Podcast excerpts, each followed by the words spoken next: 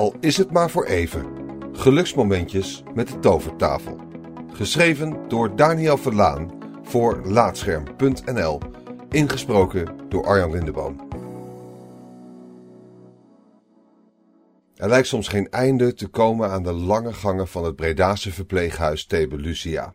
Kamers links en rechts, sommige deuren zitten op slot. Dit is de gesloten krokusafdeling, de plek waar dementerende ouderen worden verzorgd. Hoe verder je door de gang loopt, hoe erger de dementie van bewoners wordt. Helemaal aan het einde heb ik een afspraak met de Brabantse Johanita, die inmiddels zes jaar in het verpleeghuis werkt. Ze rijdt mevrouw Kleis rond. Zorgt u goed voor uw baby? vraagt ze aan haar, terwijl de oudere dame een pop stevig vasthoudt. De meeste bewoners staren glazig voor zich uit. Als hun ogen moe worden, dutten ze in.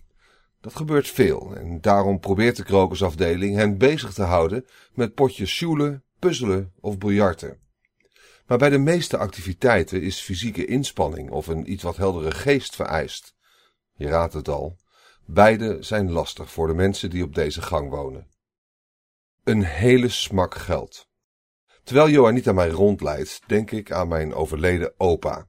Hij werd ook dement en aan het einde van zijn leven was ik alleen nog maar een bekend gezicht voor hem. Soms leefde hij op, bijvoorbeeld als hij zijn achterkleinkinderen zag of voetbal keek. Dan herinnerde hij zich iets en begon die verhalen te vertellen. Het waren schaarse, magische momenten. Johanita praat met veel passie. Ze heeft geen idee waarom het verzorgen van demente ouderen haar zo aantrekt, maar ze haalt er veel voldoening uit. De mensen herkennen me vaak na een uur niet meer, maar dat vind ik juist wel mooi. Je hebt heel veel leuke eerste ontmoetingen. Het idee om de tovertafel, een gameapparaat voor dementerende ouderen, naar de krokusafdeling te halen, komt van Johanita. Eén probleem, de installatie, die bestaat uit een beamer, computer en camera, kost maar liefst 7100 euro. Een hele smak geld, vooral voor zorginstellingen waar de overheid al jaren op bezuinigt. Maar Johanita liet het er niet bij zitten. Ze schreef brieven naar plaatselijke stichtingen en vroeg familieleden van de bewoners om een bijdrage. Uiteindelijk sprokkelde ze het bedrag bij elkaar, waardoor de tovertafel nu al anderhalf jaar in een kamer in het Tebelusia staat. Blaadjes vegen. De tovertafel wordt als een beamer vanaf het plafond op de tafel gericht. Hij werkt met elke tafel, zegt Marten van der Horst van Active Cues, het bedrijf achter de tovertafel. Zij geeft trainingen aan het personeel en legt dan uit hoe het apparaat werkt. Marten kent de Tebelusia goed. Het is een van de verpleeghuizen die Active Cues helpt bij het testen en ontwikkelen van nieuwe spellen. Je kunt twaalf verschillende spellen met de tovertafel spelen. Een van de populairste spellen is het wegvegen van bladeren. Door je hand over de tafel te bewegen, veeg je bladeren weg. Hier, mevrouw Kluis, veeg ze maar weg, zegt Johanita als ze een handveger aan haar geeft. Geconcentreerd veegt mevrouw Kluis de blaadjes ermee weg. In haar andere hand klemt ze nog steeds haar pop vast. Ik sta met een houding van, is dit het nou, te kijken. Dat merkt Marten op. Ja, jij bent natuurlijk spellen gewend waarin je wordt uitgedaagd, maar daar draait het nu niet om. Er is geen doel in het spel, je kunt geen hoogste score behalen. De spelervaring die jij ervaart, kunnen zij niet meer ervaren. Ze heeft helemaal gelijk. Naast mevrouw Kleijs zitten er nog drie bewoners om de tafel. De zeer oude mevrouw van de Ende, de relatief heldere mevrouw Sterkenburg en de enige man van het stel, meneer Meesters. Met z'n vieren zijn ze bezig om in hun eigen tempo de bladeren van de tafel te vegen. Wat ligt die stoep toch weer vol, hè? Het lijkt wel herfst, zegt Johanita tegen mevrouw van de Ende, in de hoop dat het een herinnering van vroeger ophaalt. Bloemen en vissen. De meeste tovertafelspellen lijken op elkaar. Ze proberen met dezelfde mechanismen, met de handen over de tafel bewegen, andere herinneringen op te roepen. Zo is er een spel waarbij je op een bloem moet drukken om hem groter te maken. Misschien denken ze wel aan die ene keer dat ze zonnebloemen kochten op de markt. Of toen ze voor hun verjaardag een bosje gerbera's kregen van hun man. Ze houden ook enorm van de vissen, zegt Joanita. Met de afstandsbediening activeert ze het spelletje. Op de tafel verschijnen vissen die langzaam rondzwemmen. Als je erop drukt, zwemmen ze snel van je weg. Ze reageren hier goed op. Dat plotselinge wegzwemmen van de vis vinden ze leuk. En dat doet sommigen denken aan vroeger.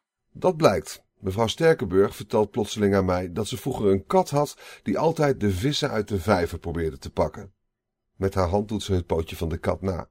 Kijk, zo probeerden ze die vissen te grijpen, zegt ze, terwijl ze lacht om haar eigen imitatie.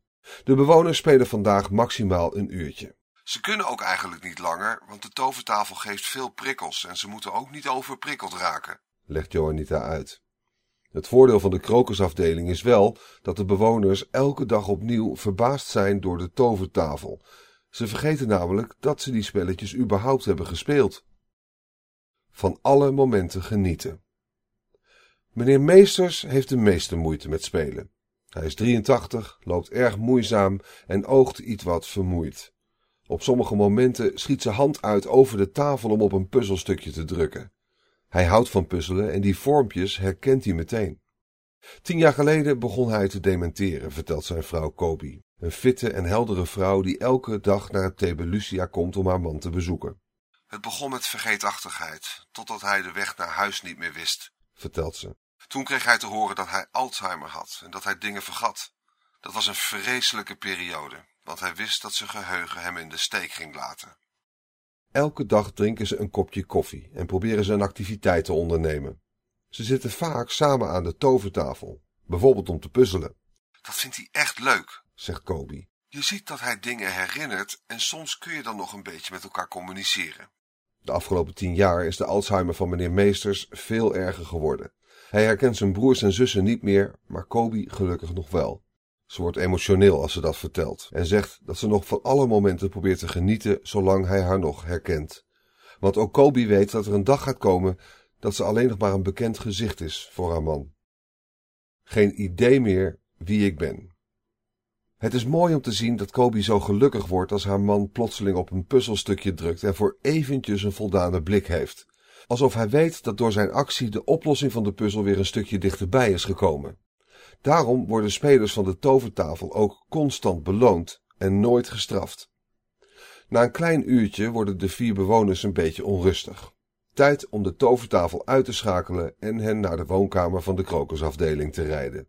Ik ben zo blij met de dingen, zegt Joanita terwijl ze naar de tovertafel wijst. Ze geeft Marten van Active Cues ook direct feedback. Of de tovertafel een spelletje met muziek en dieren kan toevoegen. Dat vinden ze vast heel leuk. Nadat de afstandsbediening terug in het opbergdoosje is gestopt en de deur van de kamer op slot gaat, is het echt afgelopen. Als je niet uitkijkt, vind je die afstandsbediening in de wc, vertelt Joanita. Ze herkennen dat ding niet van vroeger, dan gooien de bewoners het weg omdat ze denken dat het rommel is. Een nieuwe kost 20 euro. Na een kwartiertje pak ook ik mijn spullen. Johanita leidt me terug door de lange gang. Aan het begin is de woonkamer waar de bewoners met de lichtste vorm van dementie zitten. Daar zit ook mevrouw Sterkenburg, die mij nog geen twintig minuten geleden een heel verhaal over haar kat vertelde. Samen met Johanita zwaai ik naar haar. Ze kijkt me glazig aan en heeft geen idee meer wie ik ben. Dankjewel voor het luisteren naar Laatscherm voorgelezen. Als je waardeert wat we hier doen, dan zouden we het leuk vinden als je even een sterrenrating en een recensie achterlaat op Apple Podcasts of de podcastservice van jouw keuze.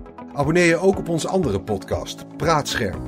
En ga voor deze en meer verhalen, geschreven of gesproken, naar laatscherm.nl.